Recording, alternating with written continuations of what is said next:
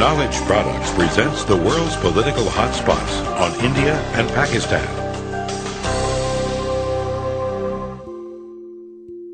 For more than half a century, the governments of India and Pakistan have faced each other with suspicion. Each has built large armies equipped with sophisticated U.S. and Soviet weapons. There is the usual array of tanks and artillery, plus nuclear capabilities for both nations. India already has announced that it has atom bombs. Pakistan claims it does not, but the denial seems based on a technicality. They have the components for several atomic bombs, but they have not yet assembled them. If another Indo-Pakistani war breaks out, a hostile use of nuclear weapons, perhaps the first since Hiroshima and Nagasaki, may occur. In 1988, a former officer in India's Ministry of Defense described his country's nuclear potential. India is now self-sufficient in regard to its nuclear fuel cycle. From mining uranium to recovery of plutonium from spent fuel it has spent fuel not subject to international controls, and hence the capacity to divert plutonium for bomb making. The Madras reactor alone can be the source for 10 to 20 Hiroshima sized bombs a year. As for Pakistan, U.S. Senator Alan Cranston described the situation in 1984. Following designs stolen in Holland, the Pakistanis built a large centrifuge enrichment plant at Kahuta, near Islamabad, Pakistan's capital. By 1983, they could produce at least 15 kilograms of weapons grade, highly enriched uranium a year. The Kahuta plant has a current capacity of 45 kilograms of enriched uranium, of which 16 kilograms is deemed more than sufficient for fabricating one nuclear warhead. Indians and Pakistanis inevitably seem to irritate one another. Pakistanis can never forget India's size. Though Pakistan's population is more than 100 million, India's numbers are climbing toward a billion. Pakistanis will often say one Muslim soldier is worth 10 Hindus. Even so, India has defeated Pakistan in three wars, which hurts Pakistan's pride and makes the nuclear option more attractive. For Indians, Pakistan's mostly Muslim population represents a constant source of danger. Although more than 105 million Indians also are Muslim, and even though many Muslims serve in India's armed forces, Somehow, Indians believe that Pakistani Muslims are more violent and unpredictable. A young college educated Indian recently voiced an opinion which many of his countrymen seem to share. We should destroy Pakistan now, he said. They've always caused trouble and they always will. Young Pakistanis say similar things about India. India wants to be a regional and a world power.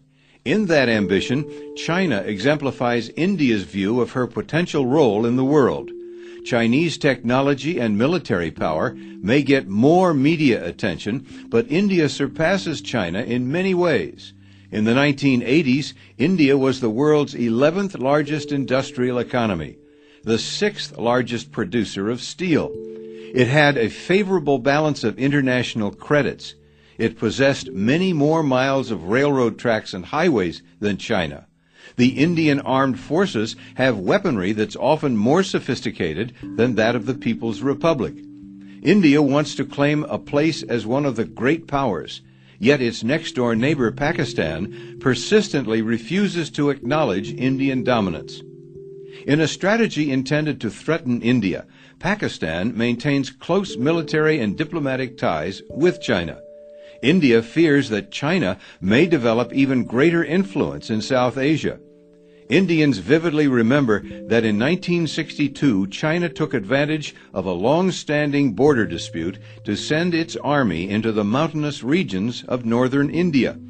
Unprepared, even unwilling to believe that another third world country would be so aggressive, India suffered a humiliating defeat at the hands of the Chinese. Even before serious fighting broke out, Prime Minister Jawaharlal Nehru reluctantly addressed the issue of accepting foreign military aid.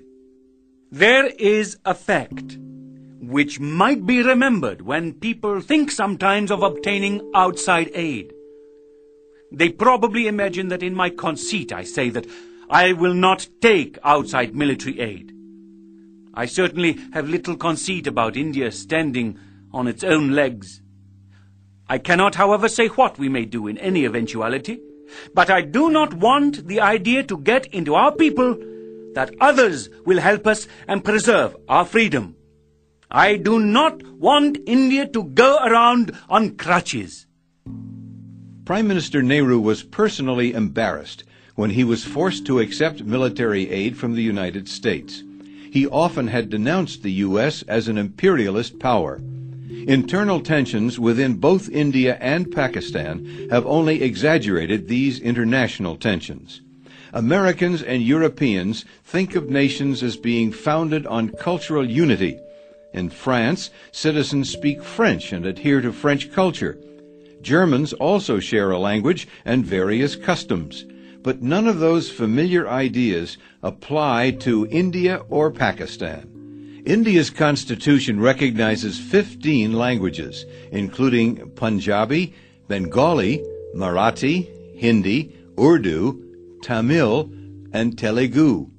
India's constitution states that Hindi should eventually become the national language, yet English is the only commonly understood language in India. In Pakistan, most people speak regional, mutually unintelligible languages such as Punjabi, Sindhi, or Pashto. Relatively few are literate in Pakistan's official national language, Urdu. As in India, English continues to be the favored language for politicians, businessmen, journalists, and intellectuals. This linguistic and cultural diversity contributes to separatist tendencies. Since 1947, when both countries were founded, many groups have aggressively demanded greater regional autonomy or even complete independence. Inhabitants of Pakistan's northwest frontier province, known as Pathans, agitate for their own nation to be called Pakhtunistan. In southwestern Pakistan, the Baluchi people have tried to unite with their cousins in Iran and Afghanistan to create a new country to be called Baluchistan. Over the years, both Baluchis and Pathans have sought independence through guerrilla warfare, forcing Pakistan to commit much of its army just to holding the country together. Pakistan blames India, the Soviet Union, and ironically the U.S. Central Intelligence Agency for fomenting and sustaining these internal rebellions. In India, some members of the Sikh religious community want to turn the state of Punjab, where Sikhs are the majority, into a new nation called Khalistan. Others want to reverse their own community's 1947 decision to be counted as Hindus in the Indian state. Many Sikhs want the Punjab joined to Pakistan because they believe Pakistan will grant them greater autonomy. Still other Sikhs want to maintain the status quo. Since 1984, militant Sikhs have assassinated opponents, massacred non-Sikhs, planted bombs on crowded buses, and have fought running gun battles with police. The Indian government accuses Pakistan of arming and training the Sikh militants, but Pakistan denies it. The attitude of rebellious Sikhs has been described by Ainslie Embree, a professor of history at Columbia University. Within the Sikh community, there are elements who see a mammoth plot, one that is deliberately engineered by the ruling Hindu majority. In such a situation, grievances that may be economic or political in origin are perceived as coming from a bias against the Sikhs' religious identity, the very core of their being. A reasonable form of action is to respond to the enemies of one's faith with violence, especially when, as is the case of the so-called Sikh extremists, the government is identified with the Hindu majority. Similar tensions exist in the Indian state of Kashmir. Located in the mountains and valleys of the northwest, Kashmir is famous for its natural beauty. 90% of Kashmir's population is Muslim. making it the only Indian state with a Muslim majority. But almost all Kashmiris, even non-Muslims, consider themselves culturally distinct, perhaps superior to lowland Indians. Both Muslims and Hindus there seem to favor a completely independent Kashmir.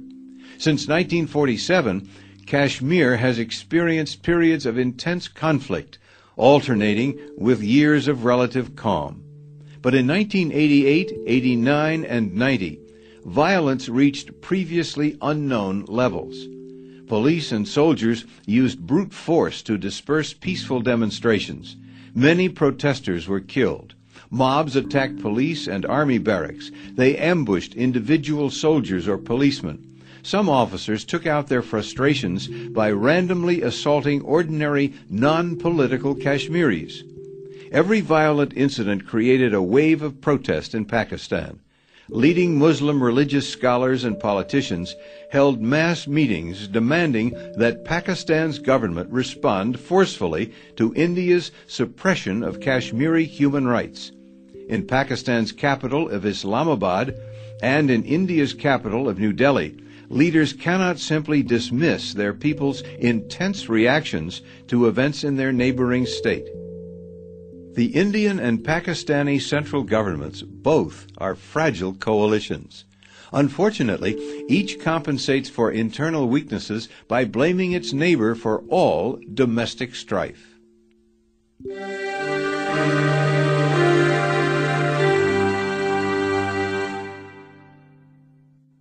The South Asian landmass has a natural northern boundary established by the Himalayas, the world's highest mountain chain. Even though these mountains seem a formidable barrier, several northwest passes allow entry.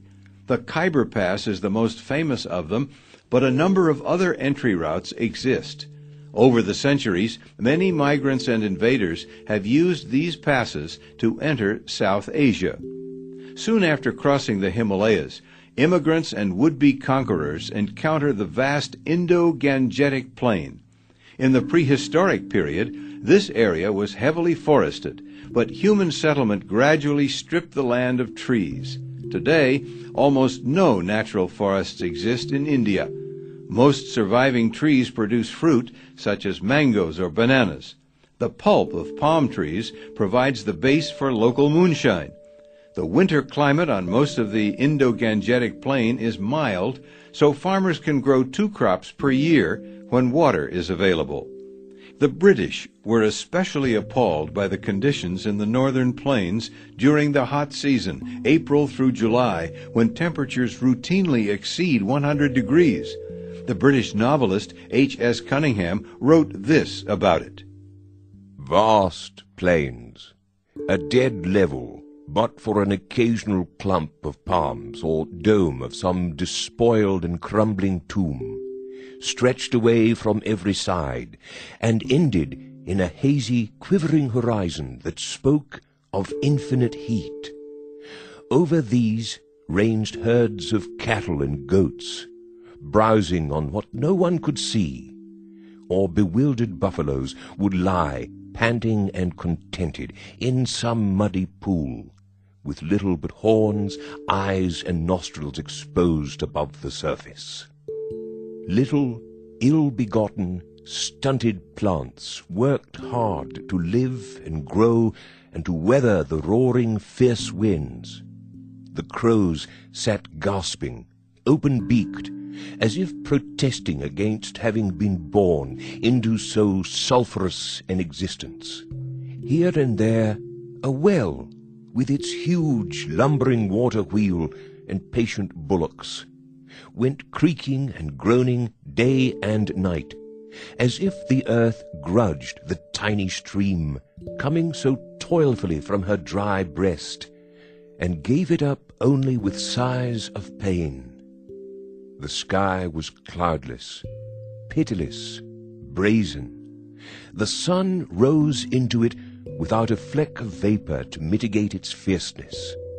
All day it shone and glistened and blazed, until the very earth seemed to crack with heat, and the mere thought of it was pain. In South Asia, water is a precious thing. Between the months of June and October, the subcontinent receives almost all of its rainfall. This is called the monsoon, an English version of the Arabic word mausim, which means season. In a complex cycle involving the Indian landmass, the Arabian Sea, the Indian Ocean, and the Bay of Bengal, storms build up in the east and move west. Especially on the Bay of Bengal, these storms can become cyclones that generate tidal waves. Much of Bengal is a river delta, and the river Hugli can stir up so much silt that it creates many small islands almost overnight. The silt is very fertile, so farmers quickly move on to these bits of land. These tiny places are only a few feet above the level of the water. A tidal wave or even a mild surf created by a monsoon storm can sweep thousands of people to their deaths. For most Indians, however, the arrival of the monsoon is a time of joy. Traditionally, it's the time for lovers, since the rains make it hard to travel or work and people must stay at home. Husbands who have gone away as soldiers or traders are supposed to return. In the following folk song, one woman laments her husband's absence. My husband, in what month will you return? My beloved has gone away and returned to the service. He has left me all alone in the house. When the rains came, he took two or four days' leave. His stay was brief, and he went away at dawn. In good years, the rains visit every part of South Asia. In bad years, the rains are fickle. They may drown one place while a neighboring region goes dry. So perennial streams, especially those fed by the melting snows of the Himalayas, are crucial to agriculture. In the northwest, the Indus River and four other major streams form the area called the Punjab, which literally means the five waters. Punjab's fertility is legendary. The region was divided between India and Pakistan in 1947, and the two Punjabs remain the breadbaskets of both India and Pakistan. To the southwest of the Punjab, the countryside becomes drier in a region called the Sindh. Agriculture here is difficult unless wells or streams are nearby. The Sindh borders Iran and Afghanistan. Its inhabitants are pastoral nomads who operate small scale farms. East of the Punjab, the Ganges and the Jumna rivers eventually join the Brahmaputra River, forming the delta region known as Bengal. The northeast, now known as Assam, was a jungle until recent times. India's central region is dominated by a plateau called the Deccan. Mountains to the west of the plateau block most of the annual rains, and the region's bedrock prevents well digging. So the Deccan is sparsely populated. By contrast, both the west and east coasts of India are teeming with people. India's earliest inhabitants were related to the Bushmen of Australia. Later migrants drove them out of the plains, though descendants of the Australians still managed to survive in the hills and jungles. Today, the Mundas, as some of them are called, form one of India's many tribal minorities. Historians know that India was invaded many times, but they're not certain which people came first. Today, the most obvious legacy of these invasions is the distinction between North and South Indian languages. The northern languages, such as Punjabi, Bengali, Sindhi, Marathi, Hindi, and Urdu, are Indo European languages. Their grammars and vocabularies are related to English, German, and French. But southern languages belong to a completely different language family. Tamil, Telugu, and Malayalam are Dravidian languages with basic structures that differ from northern tongues. These linguistic differences can cause tension. For example, India's Tamil speakers often refuse to learn Hindi, the language of Indian government, because they think their own language is more ancient. Pakistan's Punjabis dislike those who speak Sindhi. By combining the word Sindhi with a rude adjective, they accuse them of committing incest with their sisters. So, historical patterns of language development continue to have daily consequences in both India and Pakistan. These distinctions of language and region have their roots in the distant past. Looking further back in history to the second millennium BC, we know that a civilization flourished in the valley of the Indus River. But scholars have not recovered enough information about it to give a precise description. Though we have artifacts and even the remains of entire cities, few written documents survived, and specialists cannot agree on a translation of those texts. So, for lack of more specific evidence, India's history begins with the later arrival of the Indo Aryans. Aryan originally refers to a group of languages in which the word Aryan means the people. Alternate meanings are those who are like us, or the ones you don't kill upon meeting. This same basic root is the precursor of the Gaelic word for the Irish, Iran, and the name of the country, Iran. The Aryan settlers in India produced a collection of religious books known as the Vedas. The Vedas are a religious library, not a single book like the Holy Quran or a collection of books like the Judeo Christian Bible. The hymns that form the earliest sections of the Vedas may go back as far as 1800 BC. These religious poems also are used in rituals, and most of them are dedicated to one of the hundreds of gods that the Indo Aryans worshipped. One of these is the fire god Agni, and the following verses are typical. I praise Agni, who is our household priest, who is the God who makes the sacrifice possible, who is the chief priest, the bestower of all blessings. Both the ancients and the moderns praise Agni, for he brings the other gods to our sacrifice. Because of Agni, we gain wealth. He gives us health and gives us many heroic sons. Other hymns reveal a very different view of man, the earth, and the gods.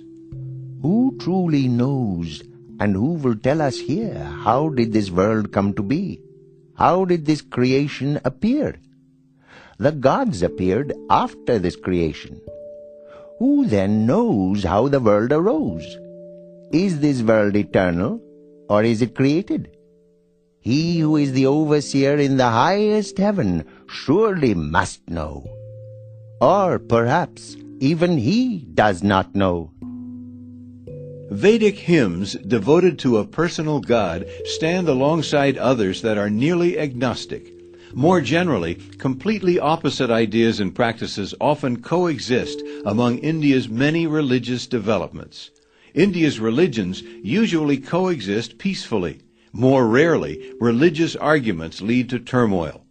The last books of the Vedic library, called the Upanishads, do not concern themselves with religion in a devotional way. Rather, they became more philosophical and less involved in the worship of a personal God. The Upanishads contain several ideas that most Americans associate with Indian religion. These include salvation through meditation and karma, or the idea that one's actions can affect both this life and future lives. In today's age, ideas about rebirth and karma concern mainly philosophers and religious specialists. Most Indians express their faith in devotional ways, not philosophical ways. Indian gods became popular in the 14th and 15th centuries when Hinduism took on its modern form. Today, most Indians are devoted to Hindu gods and goddesses such as Shiva, Ram, Krishna, Vishnu, Kali, Parvati, Ganesh, or one of hundreds of others. Tulsidas, a 15th century saint, translated into Hindi the epic of Ram, known as the Ramayana. He also wrote devotional poetry to praise Ram, the God King. The following verse is fairly typical of the thousands of similar works by various authors devoted to one of the Indian gods. The name of King Ram, think of it with love. It is sustenance for those who travel empty-handed, and a friend for those who travel alone. It is blessedness for the unblessed, good character for those who have none, a bridge which spans the sea of existence, and the cause of the essence of joy. Ram's name has no equal, rescuer of the fallen. The thought of it makes fertile earth from Tulsi's barren soil. Some Indian thinkers, especially the Brahmin priests, wrote elaborate rules and regulations in an effort to create a balanced social system. Not surprisingly, they believed priests should be at the pinnacle of society.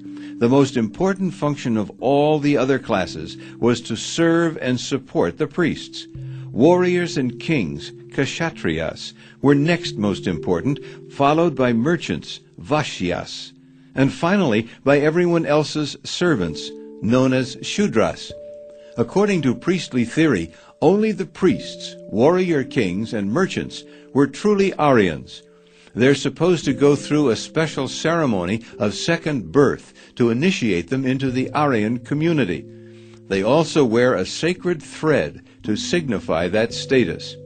Those not born into any of those groups or those with parents from two different orders, are completely outside the system.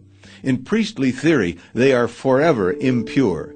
One should not touch them or have any sort of close contact with them. To do so can cause ritual pollution, and removing it requires elaborate ceremonies. So these impure people are called untouchables. Most Americans know this social arrangement as the caste system. Even many intellectuals seem to think that caste is India and India is caste. But we should be wary of quick and easy assessments, as one historian has warned. Nobody can understand the caste system until he has freed himself from the mistaken notion that there were four original castes. No four original castes ever existed at any time and place. And at the present moment, the terms Kshatriya, Vaishya and Shudra have no exact meaning as a classification of existing subcastes. Part of the problem stems from our vocabulary. Caste, for example, is not an Indian word, but comes from the Portuguese casta, meaning a house, family, or tribe. This term was commonly used by the British in the 19th century. But before this, Indians had used their own words to describe the priestly social ideal and the way they truly lived their lives. In practice, the most important group for South Asians is the subcaste or jati. Jati literally refers to one's birth. People become part of a subcaste or jati by being born into it. Thousands of these subcastes exist. Different regions of India have unique groups and the social ranking of the various subcastes differs from area to area. Because the vast majority of South Asians have always lived in the countryside, this is the best place to understand what's involved in the caste system.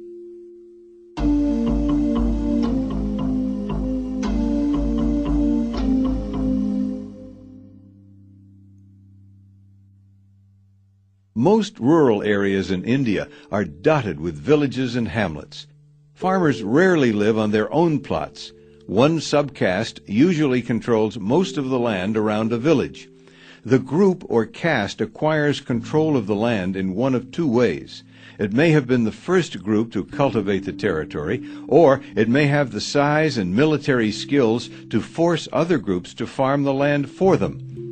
A Brahmin tells how a Rajput, that is, a jati of warriors, uses the forceful approach.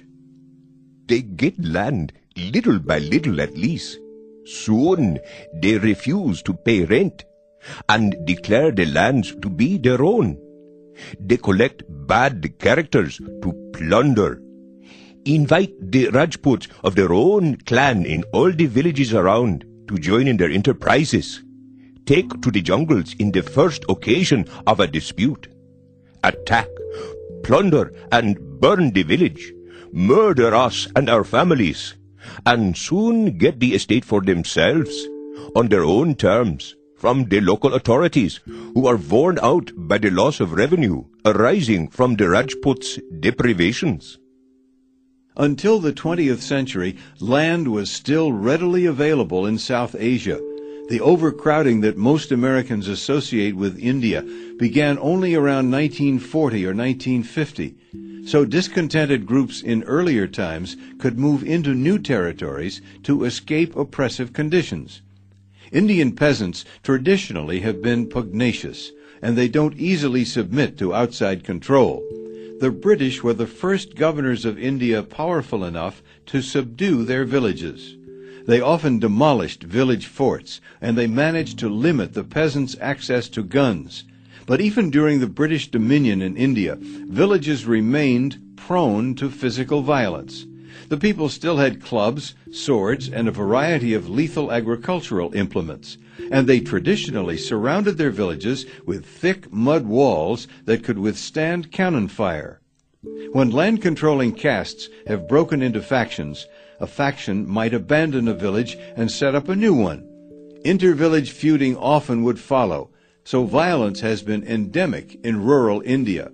In modern times, as people migrate from the countryside to the cities, they often bring their local conflicts with them. From time to time, a particular land controlling caste has become powerful enough to assert its authority beyond a single village. The caste would then encompass 10, 20, or 80 villages.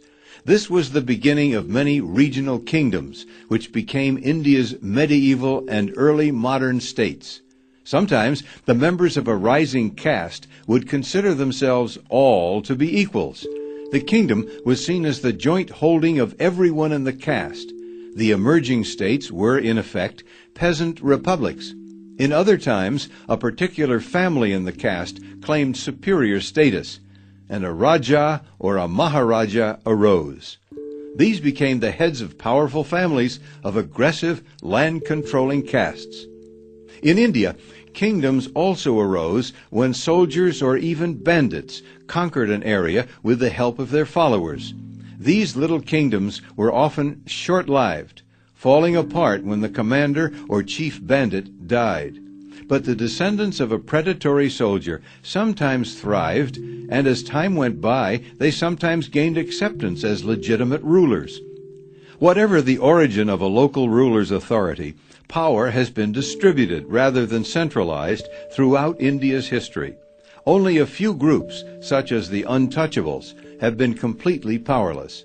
Yet even they have rebelled against their masters from time to time. Obtaining and exercising absolute power has been difficult.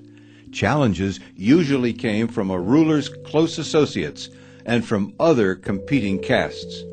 Most Americans think the Indian social hierarchy is fixed, that it has been unchanged for centuries. But the reverse is true. No group's status is secure forever.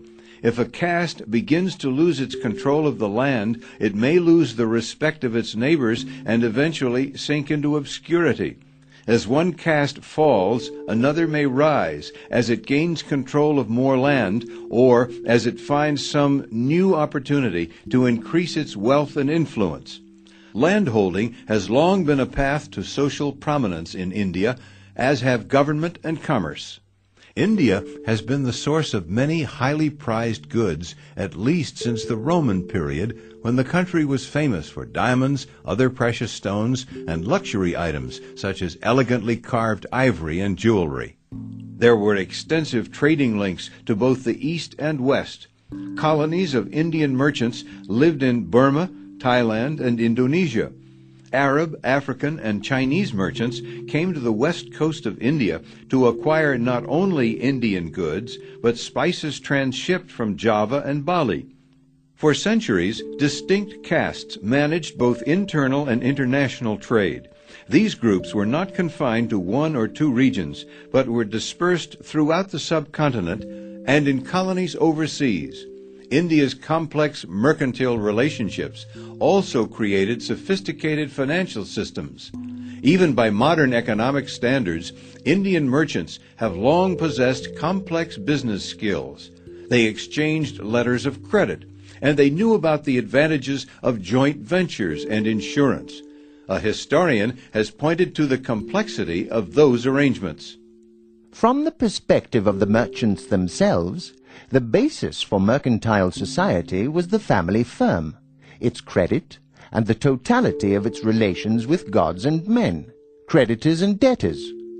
Without credit, a family could not trade, or call on merchant arbitration at all. Merchant corporations kept lists of creditable merchants, whose bills of exchange could expect rapid discount in the market. Even small dealers knew whose letters of credit were current and whose were not. In traditional commercial centers, the corporations imposed heavy penalties for breaches of trust. Indian merchants and producers were fully prepared to take advantage of the opportunities which arose after May of 1498 when Vasco da Gama of Portugal sailed into the port of Calicut on India's west coast. In the next century and a half, India's widespread trading contacts expanded even further. Spices and precious stones were India's most famous commodities, and cotton cloth became highly prized. Like silk, Cotton cloth was lightweight and took colorful dyes well, but its great advantage was its low cost. Cotton was heavily demanded in Europe, but it also played a key role in international exchange. For example, Indian cotton cloth became the favorite medium of exchange in the booming market for African slaves. In Africa, cloth could buy people. In the 16th and 17th centuries, Europeans had few goods that Indians wanted. Europeans had to pay in silver to get Indian cloth, spices, or gems, so India experienced a tremendous inflow of bullion. Soon, the ruling powers found that they could collect most of their land taxes in silver coin. Even peasants had unprecedented amounts of money. India's fabled wealth brought Europeans to the subcontinent in the first place, and its wealth only increased with expanded trade.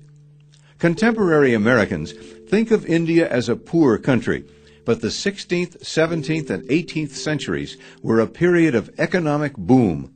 India was rich, richer by far than Europe. Small time traders became big time merchants. Ordinary moneylenders grew to be prosperous bankers. In social terms, castes with modest status in India became internationally prominent and the wealth flowing into South Asia also made its rulers more influential than any other rulers in the region's history.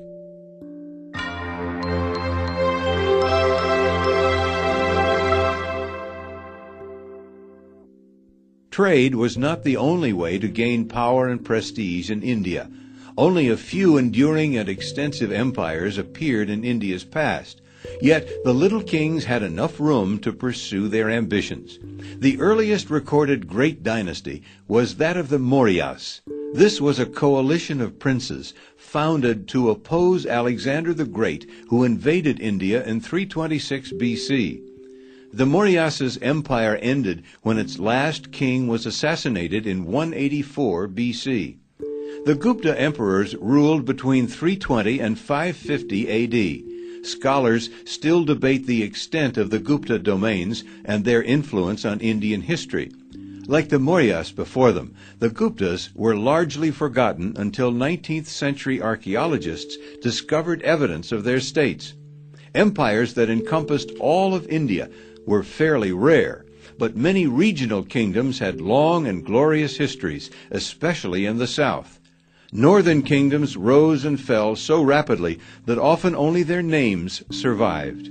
By contrast, only four dynasties controlled southern India for more than 1600 years, from the 1st century BC until well past 1500 AD. These southern empires were loosely put together, and this may be why they lasted so long southern emperors did not infringe too much on their subjects, who recognized the ruler primarily as a ceremonial figure. Burton Stein, a leading historian of the region, has described the situation. The medieval South Indian state was a segmentary state in which political authority and control were local in several crucial ways. The scope of the constituent units of the state was limited to well defined and persistent ethnic territories. Its chiefs were in most cases leaders or spokesmen of the dominant ethnic groups of the local territory. And perhaps most unique in South India, corporate bodies representing the interests of various folk of a locality participated in the public business of the locality. American politicians are fond of saying all politics is local, and that's certainly true in India. The most important arrangements of power are those of the various regions and districts. At the local level, these arrangements are constantly shifting, and many forces change the balance of power. New castes may emerge, and the power of old castes may fade. A boom in a region's trade in cotton or sugar, for example, will redistribute wealth and thereby favor one group over another. But newcomers, immigrants, or conquerors can shift the local balance of power. This is an important consideration when we think of the Muslim impact on Indian history. The first Muslim invasion of India occurred in 750 AD when an Arab force entered the Sind region in the southwest. Islam's initial influence was limited to that area. More significant Muslim incursions came from the northwest in the 11th century AD. India historically has had strong ties with the areas that are now Afghanistan, eastern Iran, and the Central Asian republics, which later became part of the Soviet Union. People came south into India, yet Indians often ventured north of the Khyber Pass to wage war and occasionally to rule in those lands. Toward the end of the 10th century, a number of new Muslim dynasties appeared in these northern regions. Most of them were Turkish. Some Turks served as soldiers and eventually succeeded their masters as kings. Often called sultans, these Turkish speaking rulers soon were influenced by the Persian traditions of kingship and civilization.